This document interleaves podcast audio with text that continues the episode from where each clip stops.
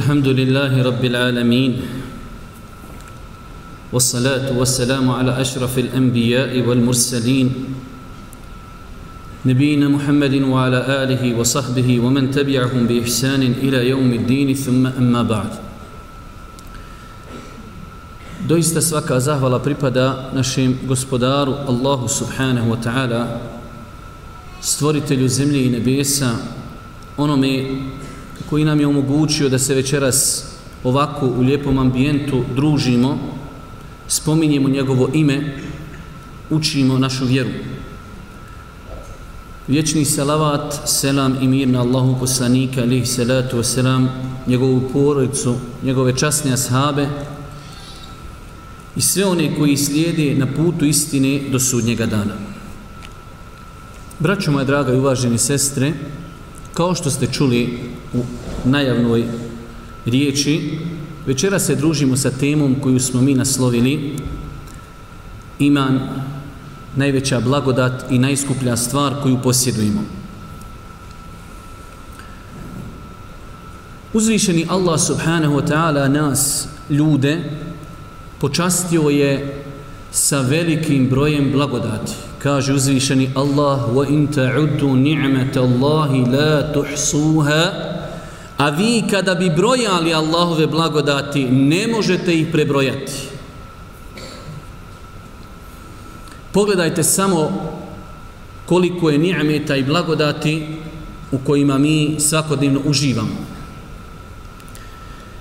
Ubijećen sam, braću moja draga i cijene sestre, da velik broj nas prije ovog predavanja i prije ove plakati da nas je insan zaustavio negdje na ulici i nakon nekim iznenadnim pitanjem upitao šta je to najveće čime je tebe Allah Đelešanu počastio.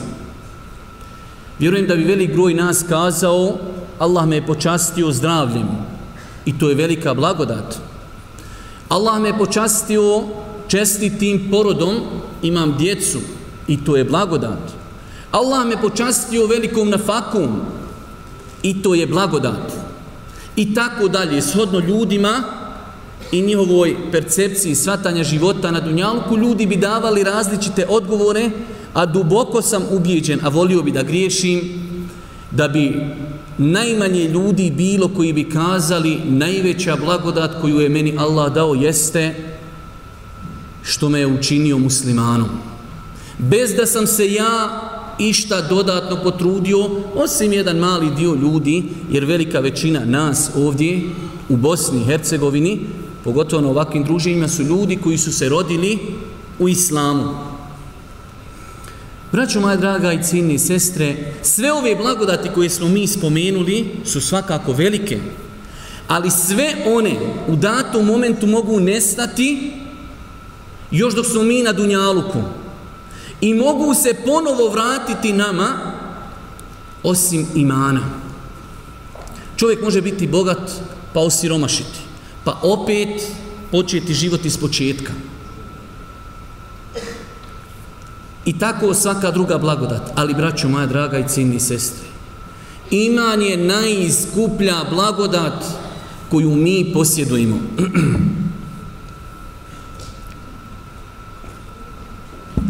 ako smo svjesni te činjenici, hajde da pogledamo zajedno, ali prijateljski, otvoreno, bratski, kakav je naš odnos prema toj najvećoj blagodati koju nam je Allah podario. Imam, braćo moja draga i ciljni sestre, trebao bi da bude u našim rukama kao dragi kamen, Jedne prilike sam slušao jednog šeha, kaže, slušao sam određene kuranske ajete u kojima Allah spominje blagodati dženneta, pa se tamo spominju i ukrasi koje će imati džennetle, pa između ostalog i drago kamenje. Kaže, pa sam jedne prilike otišao u jednu zlataru i rekao jednom zlataru, slušaj, ja sam došao tu, nisam došao da kupim, ja sam otvoren, ali želim da vidim to drago kamenje. Kako je? Samo da vidim očima. Pa kaže taj zlatar, vidjevši da sam iskren u tome, kaže sačekaj. Kaže pa je otišao tamo negdje iza šanka, kad čujem tamo ona teška neka vrata se otvaraju bukvalno kao u zatvor da ulazi. pa otključaje, pa zaključaje, pa otvara, pa zatvara i nakon toga meni donosi, kaže, evo pogledaj, kaže, tu je par kamenčića. I zamislite, braćo moja draga, naš imam bi trebao da bude kao dijamant, da ga čuvamo, da ga pazimo, a pogledat će, vidjet ćemo poslije kroz naše izlaganje, kakav je naš odnos prema toj najvećoj blagodati, prema tom dragom kamenju. Zamislite nekog od nas da ima igrom slučaja neki dijamant. I djeca kažu, babo, njemu se čime igrat, kaže, eno sine, tamo u vetrini, imate dijamante, uzmite pa se malo poigrajte, gađajte sa njima ptice i tako dalje. Braćo moja draga i ciljni sestri, rekli smo malo prije, svaka blagodat se može vratiti osim ima. Je li neko od vas zna da ima negdje prodavnica da se može kupiti iman? Šta ćemo reći svome gospodaru na sudnjem danu? Kada nam dođe i kaže, o moj robe, ja sam te počastio, Allah samo. Jer Boži poslanik nije imao priliku da ljudima usadi iman u srce. Allahu akbar. Njegov Amidža Ebu Talib, kojeg je poslanik mnogo volio i poštovao, i on je Božijeg poslanika mnogo štitio, kada su mu došle smrtne muke, otišao je Božiji poslanik kod njega i kaže Amidža, hadisu Buhari i muslimu, reci samo la ilaha illallah, riječi zbog kojih ću se ja kod Allaha za tebe zauzimati na sudnjem danu, pa je odbio, pa je umro.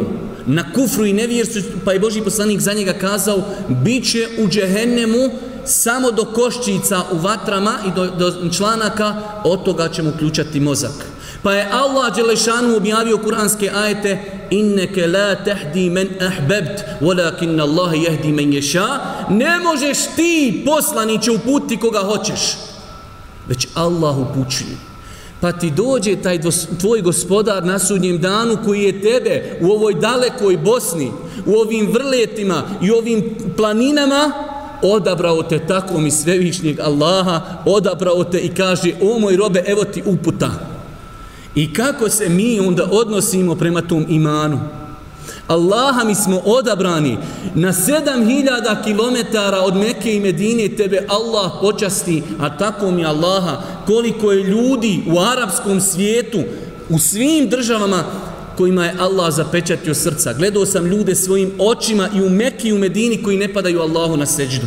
U Mekke i Medini Allah mu nije dao uputu, a tebi je Allah dao uputu dao ti iman, dao ti da voliš poslanika, alaihi salatu wasalam, dao ti da vjeruješ u Allaha Đelešanu. Pa kako ćemo odgovoriti Allahu Đelešanu ako se budemo poigravali sa tim imanom, a nema tako mi Allaha nigdje na dunjalku da ga možeš dobiti. Ako ga ne budemo pazili i ako ga ne budemo, braćo moja draga, čuvali. Po vjerovanju ehli sunneta, braću moja draga, ispravnom vjerovanju, iman se povećava i iman se smanjuje i iman može nestati. Kaže Allah poslanik alaihi salatu wasalam u vjerodostojnom hadisu Innal imana la yakhlaqu fi jawfi ahadikum kama yakhlaqu thawbu fas'alu Allaha an yujaddida al-iman fi qulubikum doista se iman izhaba i iznosa kao što se iznosa odjeća nekog od vas zato molite Allaha da obnovi vaš iman u vašim srcima Pa braćo moja draga, insan treba da pazi na taj svoj iman. Iman je kao imunitet. Vidjeli ste insana čiji imunitet je slab. Sve bolesti na njega idu.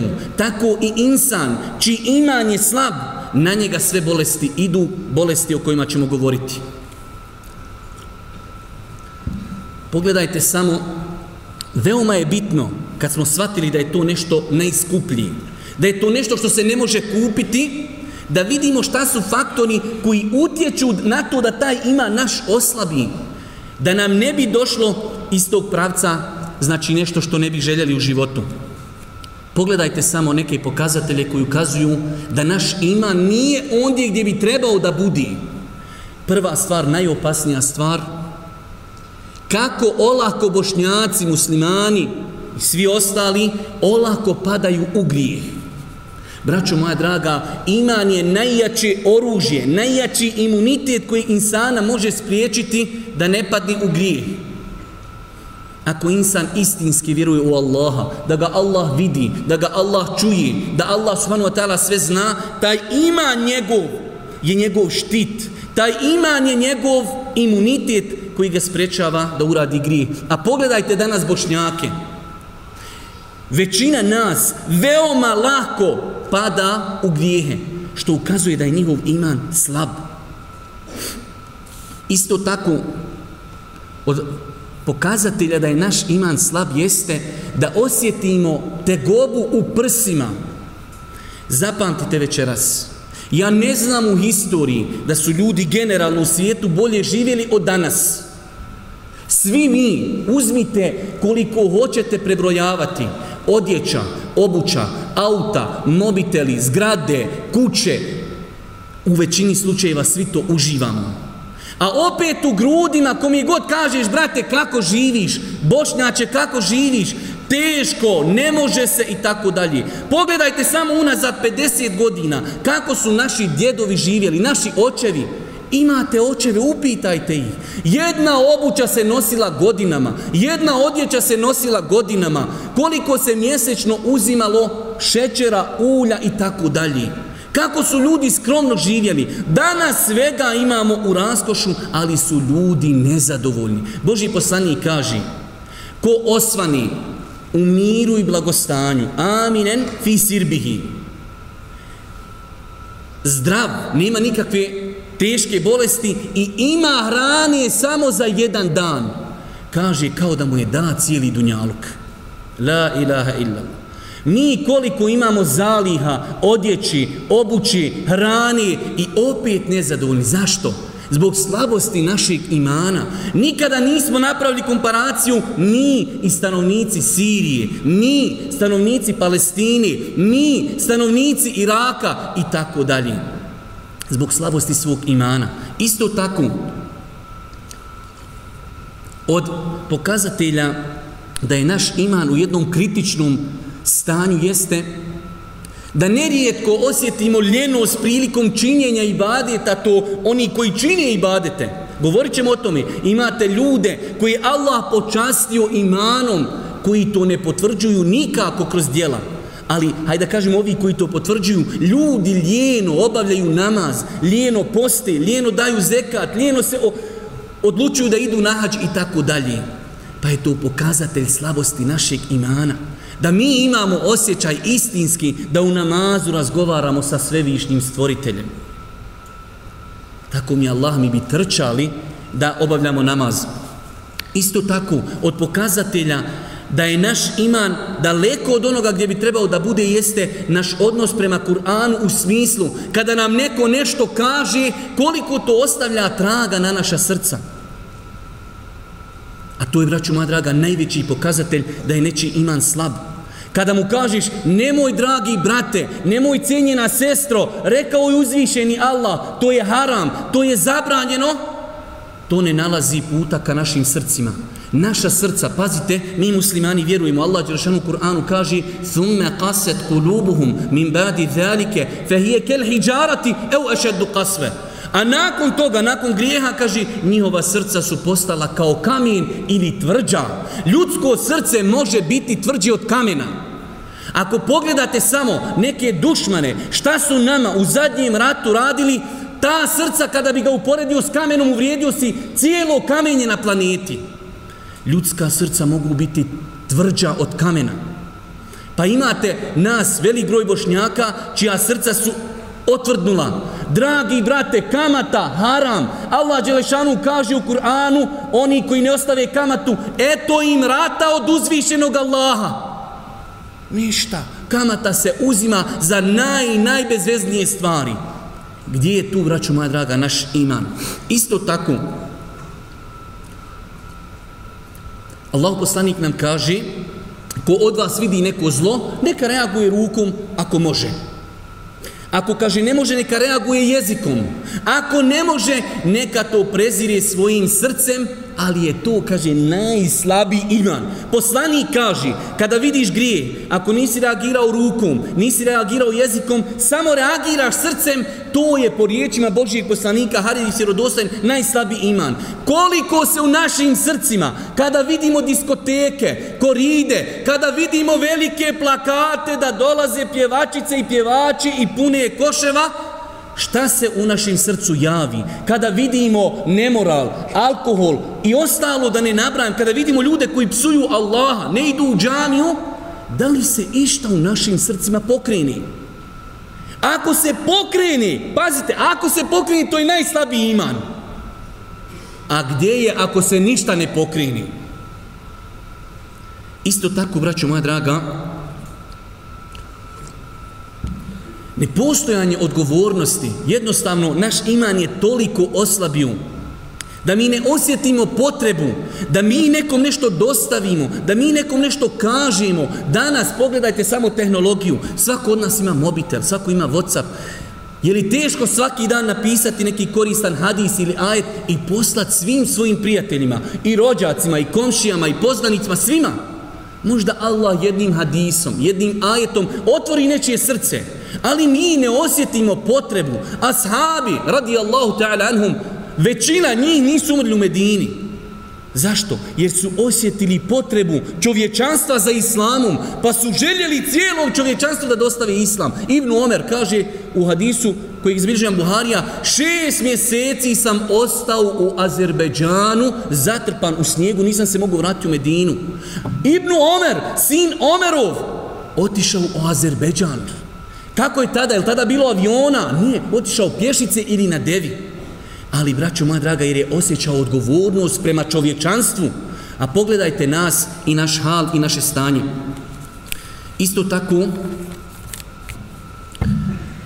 umalovažavanje dobra je pokazatelj slabosti imana. Vjernik se maksimalno trudi kao pčela, kao mrav, svaku kockicu, bilo koji seva gdje može da uradi, uradit će. Papir na ulici da skloni. Boži poslanik alaihi salatu wasalam kaže La tahtiranne min al ma'rufi še'en walau an telqa ahake bi vođhin talq Nemojte pocijenjivati od dobrih dijela ništa pa makar da brata muslimana sretniš veselog i ozarenog lica. Ne treba musliman da omalovažava dobra dijela. ali pogledajte nas, koliko je prilika oko nas za dobra djela, ali jednostavno nas, slabost našeg imana, prikiva, braću moja draga, za zemlju. Isto tako, izbjegavanje čestitih i moralnih osoba. Ako sebe prepoznate, da vam nije ugodno i lijepo u društvu kada se ne psuje, kada se ne konzumira duhan, muzika, kada nema diskoteka, kada nema Ako se tu lijepo ne osjećate, pazite, to je već opasno. Ako se lijepo osjećate u pokvarenom društvu, vaš iman znači ne reaguje više. Jednostavno spojite plus minus ne reaguje. On se osjeća lijepo i lagodno u lošem društvu. U čestitom i dobrom društvu njemu kao riba na suhom fali mu zraka, fali šeitanu i nefsu da se nahrani grijesima. Pa ako vidite, ne daj Bože, da smo u tom halu, znajte da je naš iman u upitnom halu i stanju. Isto tako, braćo moja draga, ja sam iz Bosni i znam šta govorim. Prekomjerno trčanje za Dunjalukom je pokazatelj slabosti imana. Šta to znači? Da trčimo za Dunjalukom na uštrb ahireta. Braćo, musliman treba, nek posjeduje, nek bude bogat, nek bude, znači, nek posjeduje šta hoće, ali ne na uštrb Islama. U kojem smislu na uštrb Islama? Islam nije potreban nas, ali u smislu da nas dunjaluk ne zavede da ostavimo ono što nam je Allah naredio. Nema posla na planeti koji vrijedi da ga obavljamo, a da ne možemo klanjati namaz na tom poslu cijeli dunjaluk, možda će neko reći pretjerujete, vi, vi ne radite, vi ne razumijete i tako dalje. I ja u Bosni živim, i ja sam pod Kirijom, i ja imam šestero djece i svi idu u školu, i ja moram njima kupiti patike, ali imaju neke granice. Imaju neke granice. Allahu poslanik alaihi salatu sam jedne prilike je prolazio pored ovce koja je krepala, uginula.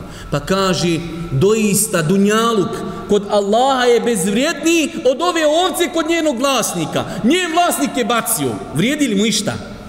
E toliko dunjaluk vrijedi kod Allaha. Kaže Allah u poslaniku u drugom hadisu da dunjaluk cijeli kod Allaha vrijedi išta. Ne bi nevjernicima dozvolio da sa njega gutlaj i vode popiju.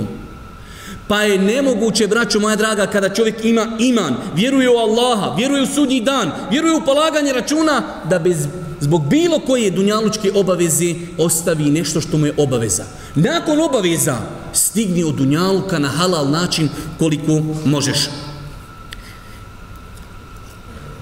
I kraj, kraj ovih nekih pokazatelja jeste, vraću moja draga, da velik Veliku pažnju posvećujemo sebi i svojoj vanštini. Ljudi više ne vrednuju ljude po moralu, ne vrednuju po njihovoj vjeri, po čednosti, po poštenju, po vjerenju. Sad samo vanština, samo selfie, samo se slikaj, samo se češljaj, samo Facebook i to je to. Samo mirisi, samo odjela, samo auta. Dođe brat prosi sestru, ona kroz njega gleda ko skener. Kako je auto iza njega? Ako je golf dvojka, ma biži, nosi se, nema od tebe ništa. Došao sa ML-om, ma lipi moj, bez očiju, bez ušiju, bez glave, bez nogu, šepa, hoda, dobar si. Ako je nabildan, ako je mrga, a kad mrga sutra bude gruho, vikat će što nisam onog gršavog uzela. Ali mi gledamo samo jel se nabildo, jel se napuho, ima li auto, kakve naočale nosi, jesu original ili su plastični i to je. Moral, poštenje, vjera. Zašto? Zato što dunjaluk doživljavamo, tu ćemo vječno ostati. Mi ne živimo za ahiret. I zato to nam je bitno. Kakav mobitel imamo, kakvo nam je auto. Zato što mi jednostavno svu pažnju smo dali na to. Pazite, znate koliko sam puta to govorio. Ništa nije sporno da čovjek ima dunjaluka. Ali ne smijemo živjeti za to. Ne smijemo ljude vrednovati po tome. Nikako. Nakon toga, nakon što smo vidjeli, bar ja sam vidio, po ovome što Ulema govori, jer ovo sve što sam vam ja spomenuo iz islamske literature, da su pokazatelji slabosti čovjekovog imana, da vidimo šta su razlozi, samo nekoliko razloga, da bi ako Bog da na kraju ostavili vremena nekoliko minuta, da dadnimo savjete kako čuvati taj dijamant u našim rukama, da sija, da ne bude komad čumura, Ja imam zaista u zadnje vrijeme običaj da kažem, velik broj ljudi prema tom imanu, koji je veliki dijamant, odnosi se kao da je to koma čumura. Čumur prlja, baci samo da ti ne prlja ruke. Tako se odnosimo. Pogledajte ashabe Božih poslanika, alihi salatu wasalam. Bilal radijallahu ta'ala nije imao porodice, nije imao familije. Mekelije ga mučile, dovedu ga u pustinju, razapnu ga, stave kamen na, njegovo, na njegova prsa i čekićom razbijaju taj kamen samo da rekne nisam musliman. Šta je govorio? Ahadun, ahad, ahadun, ahad. Allah je jedan, ubijte me, ali idem Allahu kao mu'min. Pogledajte šta je nas danas od običnih iskušenja dunjalučkih zavelo da bukvalno ne cijenimo svoj iman. Pa, braću moja draga, nekoliko samo razloga da se preispitamo. Kaže Uzeife radijallahu ta'ala anhu, Ashabi su poslanika pitali o dobru, a ja sam ga pitao o zlu, bojeći se da me to zlo ne zadesi. Pa vjernik treba da zna otkle zlo dolazi, da ga se čuva. Znaš da je na 50 i kusur kanalu, ne znam, nija, nijema satelitske antene, ali tamo je neki loš kanal. Jednom si pokušao vidio da ne velja i više ga blokiraš i ne otvaraš. Pa mi treba da znamo gdje je zlo da bi ga se čuvali. Pa evo nekoliko razloga zašto slabi ljudski iman. Prva stvar, udaljenost od imanskog ambijenta non stop u kafiću, non stop gdje se psuje, gdje se vrijeđa, non stop u grijesima, daleko od džamije, daleko od predavanja, daleko od hajra, daleko od ibadeta, braćo moja draga, to je jednostavno kao riba u zraku, na suhom. Isto tako, udaljenost od ispravnog uzora je razlogom slabljenja imana. Pogledajte danas našu omladinu, pa na kraju krajeva tako mi Allaha čudno je malo i starije generacije koga slijedi, koga oponašaju, ko je njihov uzor, ali istinski, ali istinski. Vidjeli ste onda kada je bila ona anketa na TV Igmanu, kad onog našeg Sarajliju ovdje nisu otišli, nisu otišli na Mars. Kažu, gospodine, možete li nam nabrojati igrače Barceloni. No, on se napuko, pa on, hoćete li, kaže, prvu postavu ili drugu? Pa kad je on tu jednu od postava nabroju, a kaže, možete nam nabrojati pet ashaba, a on se zablokirao, tiltovo. Ko kad Samsung zakuje, ne može, i ja koristim Samsung, ali zakuvo, hop, šta je, šta je ashab? Je to vrsta drveta, povrće, šta je to? Neka nova kompanija koja mobitele proizvodi. On ne zna ashaba jednog. Pa kako slijediti poslanika ali se letu ako ne znamo njegovu biografiju? Ne znamo njegove hadise, ne znamo njegove supruge, njega, ne znamo njegove ashabe. Ali zato znamo igrače, pjevače, manekinke i ostali šitanluke koji nam kamere prikazuju da su uzori. I zato ćete vidjeti danas našu omladinu ponašanjem, postupcima, frizurama, nošnjom, odjećom, koga oponašaju? Isto tako, udaljenost od nauke, braćo moja draga, poslije ćemo malo više o tome govoriti, čovjek što se više odaljava od nauke, sve više njegov iman slabi. Nauka, znanje, šerijatsko, pogotovo znanje, čovjeka čuva, to je kao imunitet da ne padne u određene grijehe. Isto tako, loše društvo. Koliko je danas omladinaca, kako u virtuelnom svijetu, tako i u stvarnom svijetu, koliko se izgubilo zbog društva.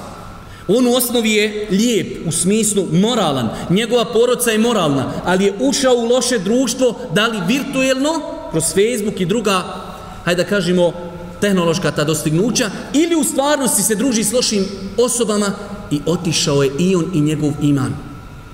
Isto tako, omalovažavanje grijeha. Pazite, mi imamo jedan veliki problem u našem društvu. Veliki grijesi su kod nas prisutni na svakom koraku. Boži poslanik kaže u jednom hadisu Iđtenibu seb'a mubiqat Čuvajte se sedam uništavajućih grijeha. Pa je nabrao sedam grijeha. Ali mi imamo problem koji pokazuje da je neći iman slab. Činjenje malih grijeha. Boži poslanik alaihi salatu wasalam kaže I jakum vel muhaqirati dhunub Čuvajte se malih grijeha. Doista se oni skupljaju i okupljaju na čovjeku dok ga ne uništi. Mali grijesi uništavaju insana, uništavaju njegovu vjeru. A šta je onda, braćo moja draga i cijeni sestre sa velikim grijesima?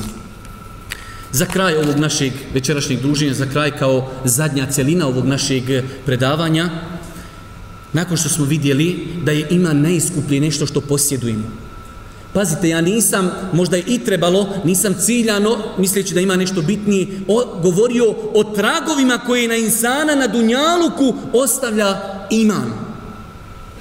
Ako insan istinski vjeruje u Allaha, tako mi Allaha prvenstveno će na Dunjaluku živjeti sretno i zadovoljno. Bio bogat ili bio siromašan, bio bolestan ili bio zdrav, on zna gdje je, on zna da je na Dunjaluku, da je to prolazno, da je on samo tu na ispitu, on čeka prelazak u vječnu kuću, ahiret.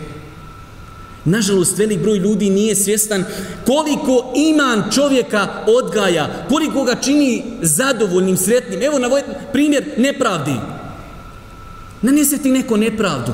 Ne možeš je dobiti nikako jednostavno na dunjaluku. Ali ti si smiren. Ti znaš kada bude najteži, kada se sve bude plaćalo u dobrim dijelima, ti ćeš to tada naplatiti.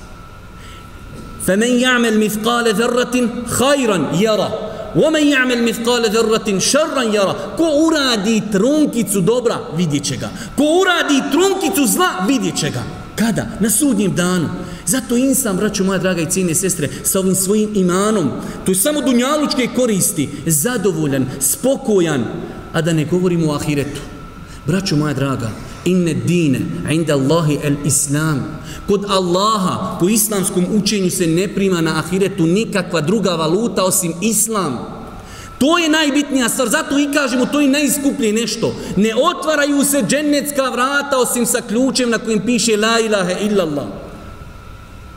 Radi se braću moja draga i cijene sestre u vječnosti. Želio bi da nekako iz svojih prsa prenesem vama o kakvoj velikoj stvari se radi. Radi se o ahiretu. Radi se o vječnosti. Allah nas počastio time i mi se nakon toga labilno odnosimo prema tom imanu. Pa evo nekoliko savjeta kako, braćo moja draga, u ovim teškim vremenima da očuvamo tu žeravicu Islama, taj dijamant Islama. Prva stvar, i o tome su mnogo govorili i dersove držali predavanja, ali samo u nekoliko minuta, naše duše su gladne. Da ima neka sprava, da ima neki mjerač koji može pokazati glad i bol naše duše, vidjeli bi kakve su naše duše. One su gladne. Zašto? Zato što mi samo trpamo svoje stomake. Braćo moja draga, naš odnos prema Kur'anu. Kur'an je hrana naše duši. Zato nam dolazi onaj naboj, nezadovoljni smo. Zašto? Zato što se ne družimo sa Kur'anom. Allah Đelšanu kaže jasno, bez ikakve dileme, وَمَنْ أَعْرَضَ عَنْ ذِكْرِ فَإِنَّ لَهُ مَعِيشَةً danka Onaj ko okrine glavu od knjige moje, teškim će životom živjeti. Završeno. Kad god ti dođe da ti tjesno u grudima, tjesno ti na dunjaluku, postavi sebi, pita između sebe i Allaha. Ne trebaš pisat na Facebooku. Samo gdje je tvoj odnos prema Kur'anu? Kada si zadnji put učio Kur'an? Kada si zadnji put razmišljao o Kur'anu? Kada si zadnji put zaplakao učeći Kur'an? To plakanje, tako mi Allaha, te suze, one napajaju našu dušu. Te suze, Allaha mi one zaljevaju našu dušu. Ali mi nemamo vremena za to. Ja znam u kakvom životu živimo. Ovo je čudno vrijeme kako se brzo živi, ali budite otvoreni. Samo nas Allaha mi može otvoreno spasiti. Koliko dnevno vremena provedemo na Facebooku i koliko vremena provedemo uz televiziju. Ako imamo za Facebook i ako imamo za televiziju, moramo imati vremena za Kur'an. Kako? Ne znamo. Ali napravite sebi plan i program svaki dan po jednu stranicu pročitaj kada prije nego što kreneš na posao, nek to bude tvoja dnevna inekcija, tvoja dnevna infuzija bez koje ne možeš živjeti. Pročitaj jednu stranicu, razmisli o ajetima koji si pročitao tog dana. Uči tome svoju suprugu i svoju djecu.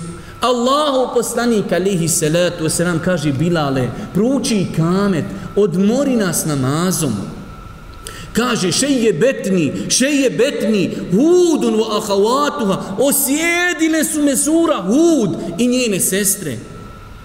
Cijelu noć, kao što je došlo kod imama Nesaje, ponavljao jedan ajet. Time hranio svoju dušu. Uzmi jedan ajet i cijeli dan ga ponavljaj. Tebaro kellezi bi il mulk, vohu ala kulli šein qadir. Valje neka je onaj u čijoj ruci je vlast. Doista je on svemogući. Zamisli da svaki dan kada kreneš na posao pročitaš ajet. Doista je Allah svemogući. Neko ti nanese nepravdu, kaže Allah je svemogući, sve će se to riješiti. Razbolila se supruga ili dijete ili muž, Allah je svemogući. Ulaziš u neki biznis, Allah je svemogući da mi podari velik beriče tutomi. Allah je svemogući. Znači, braćo moja draga, samo razmišljati o kuranskim poukama i porukama. Pa to treba našim dušama. To uklanja onu prašinu sa onog dijamanta. Naše, braćo moja draga, naš iman je kao ovaj reflektor, ali je on prepun prašini. Treba ga očistiti, da prosija. Isto tako, učeći taj Kur'an, najićemo tamo na ajete koji govori o veličini Allaha da to odgaja našu dušu, da cijeli dan budeš pod dojmom tog ajeta. Ne da budemo, kao što kaže šejh Megamisi, ne može ništa istinski odgojiti ljudsku dušu ako insan to tako praktikuje kao Allahov govor. Nekada se desi da čovjek neki lijep komentar pročita, pa cijeli dan ti taj komentar po glavi se vrti. To je lijepo. Ali, braćo moja draga, gdje je naš govor u komparaciji sa govorom svevišnjeg Allaha sveznajućeg? Pa treba znači da učimo te ajete koji govori o Allahu, o njegovoj veličini. Allah sve vidi, Allah sve čuje, Allah sve zna, Allah zna šta je u vašim grudima. Tako mi Allaha svevišnjeg. Kako bi se ljudi razrahatili u životu samo da budu svjesni da žive po tome, Allah zna šta je u mojim grudima. Zašto zavist bratu muslimanu? Zato što je uspješni na fakultetu, u ekonomiji, ima da ne govorimo. Ako Allah zna šta je u mojim grudima,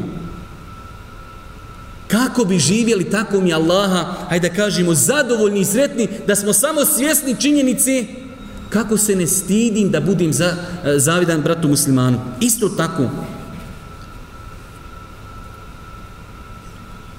šerijatska naobrazba. Braćo moja draga, moramo odvojiti vremena, moramo se edukovati, moramo učiti. Pazite, u islamu, kao i u svakom drugom, ajde da kažemo, svakoj drugoj stvari, sport, vidjeli ste, finale se igra, to će se dobiti nagrade, milioni, neko napravi start, težak start, crveni karton ispadaš. U islamu imaju crveni kartoni, U nas se čovjek rodi kao musliman, mujo, hase, kako god hoćeš, i on gotovo, ide mu džennet, nekomu to tako još i protumači. Braćo moja draga, tako mi je Allaha. Ja bih volio da to nije tako. Kod nas imate na svakom koraku ljudi čine dijela o kojima islamski učinjaci kaže izvodite iz kruga islama crveni karton. Mi nećemo nikog da proglašavamo nevjernikom, ali ulema kaže, insan koji opsuje Allaha po konsenzusu učenjaka izlazi iz islama. Kako vjeruješ u Allaha, psuješ ga. Pa moramo učiti, moramo čitati, da se upoznamo sa tim. Zbog čega? Da sačuvamo svoj iman. Da sačuvamo svoju dženecku kartu. Isto tako, braću moja draga, što više dobrih dijela. Dobra dijela, ljudi koji radi sa narodom, koji čini dobročinstvo, pogotovo dobra dijela koja su prijelaznog karaktera, ostavljaju velikog traga na insana. Neki dan je došao jedan brat, kaže, še, imao sam veliki psihički problema, bolestan puno, ali kaže, Allah mi je dao jednostavno da sam krenuo da radim sa ljudima mnogo, znači u humanitarnom sektoru. Kaže, tako mi Allaha preporodio sam se. Pa dobra djela, braćo moja draga, ona jačaju iman. Što više je prilaznih dobrih djela i što više kontinuirani dobrih djela. Isto tako, sjećanje na smrt. Pogledajte svakim danom, tako mi Allaha, pogledajte, omladinac, poginuo, ovo, ono, ljudi umiru. Otiđite, otiđite na mezarluke. Volio bi da imam neki hediju, poklon, pa da nekome poklonimo. Ako ima neko da je u zadnjih mjesec dana upalio auto i maksuz otišao na mezarluke. I to je sunnet. Mi znamo samo tri ili četiri sunneta. Boži poslanik kaže, bio sam vam zabranio posjetu mezarluka. Posjećujte mezarluke. Oni vas posjećaju i aludiraju na smrt. Kaže Boži poslanik, mnogo se sjećajte smrti, mnogo se sjećajte smrti. Kada smo mi sebi negdje u svoj životni šablon, u neki svoj životni plan rekli, a možda ću umrijeti, živjet ću, napravit ću, otiću, doću, školovat se, oženit ću se, a gdje ima, ima li gdje ono iznenađenje? Pa da nam to bude satisfakcija da se popravimo. Ne mogu određenu stvar da ostavim, koliko imamo loših navika, radimo harama i tako dalje, ali sjeti se smrti. Jesmo li spremni? Tako mi Allah, ja nisam spreman. Tako mi Allah, ja nisam spreman. Znači da se spremamo, ne možeš nešto ostaviti, samo nek ti nampade da ćeš možda sutra umrijeti, pa da ćeš za to i odgovarati. Isto tako, što više dovi. Vidjeli ste u onom hadisu kada kaže Boži poslanik alaih salatu wasalam, doista se iman iznosa, molite Allaha, molite Allaha da o, da obnovi vaš iman. Zato, braću moja draga, što više dovi, što više dovi, ustanite u zadnjoj trećini noći, plaćite svome gospodaru. Ne može vas niko uvesti u džennet osim Allah. Ne može vas niko učvrstiti u ovim teškim vremenima osim Allah. Allah Đelšanu kaže svome poslaniku Leula en sebetnake lekad kite terkenu ilihim še'an kalila da te mi poslaniće nismo učvrstili malo je falilo da i ti popustiš Allah ga učvrstio. Pa moliti Allaha da nas učesti u ovim teškim vremenima, da očuvamo ovu žeravicu, ovaj iman, to što nas je Allah Đelešanu počastio. I zadnja stvar, braćo moja draga, uvedimo sebi samo obračun. Pogledajte sve neke velike kompanije, korporacije, više nije jednogodišnji in inventar. Sada imate sve ozbiljnije firme, svako tri mjeseca, kvartali, Ljudi obračunavaju dunjaluk i treba da ga obračunavaju, ali mi smo mnogo prioritetni da obračunavamo svoj ahiret. Kaže Allah Đelešanuhu, Ja ejuha alladhina amenu teku Allahe, wal tanzur nefsun ma qaddemet ligad. O vjernici, bojte se Allaha i gledajte šta ste pripremili za sutra. Kažu mu Fesiri, ovaj ajet je najsveobuhvatniji ajet kada je u pitanju samo obračun. Obračunaj se danas kada imaš mogućnost. Uzmi papir i napiši svoje pozitivne i negativne stvari. Pa sebe preispituj, hoću svake sedmice, svakog mjeseca da popravim jednu lošu stvar. Kada te na ahiretu obračunaju, nemaš više prilike, Ovdje kada sam sebe obračunaš, imaš priliku da popraviš nešto loše kod sebe. Evo, pošto nam je Tark indirektno kazao da je vrijeme da završavamo, molim Allaha Đelešanu da nas učesti na putu istine, molim ga Subhanu wa ta'ala da nam podari snage da uspijemo na Dunjaluku, molim Allaha Subhanu wa ta'ala da nam bude milostiv na sudnjim danu i na kraju Subhaneke, Allahumma da bihamdike, šedun la ilaha ilan stakfiruke wa etubu ilik.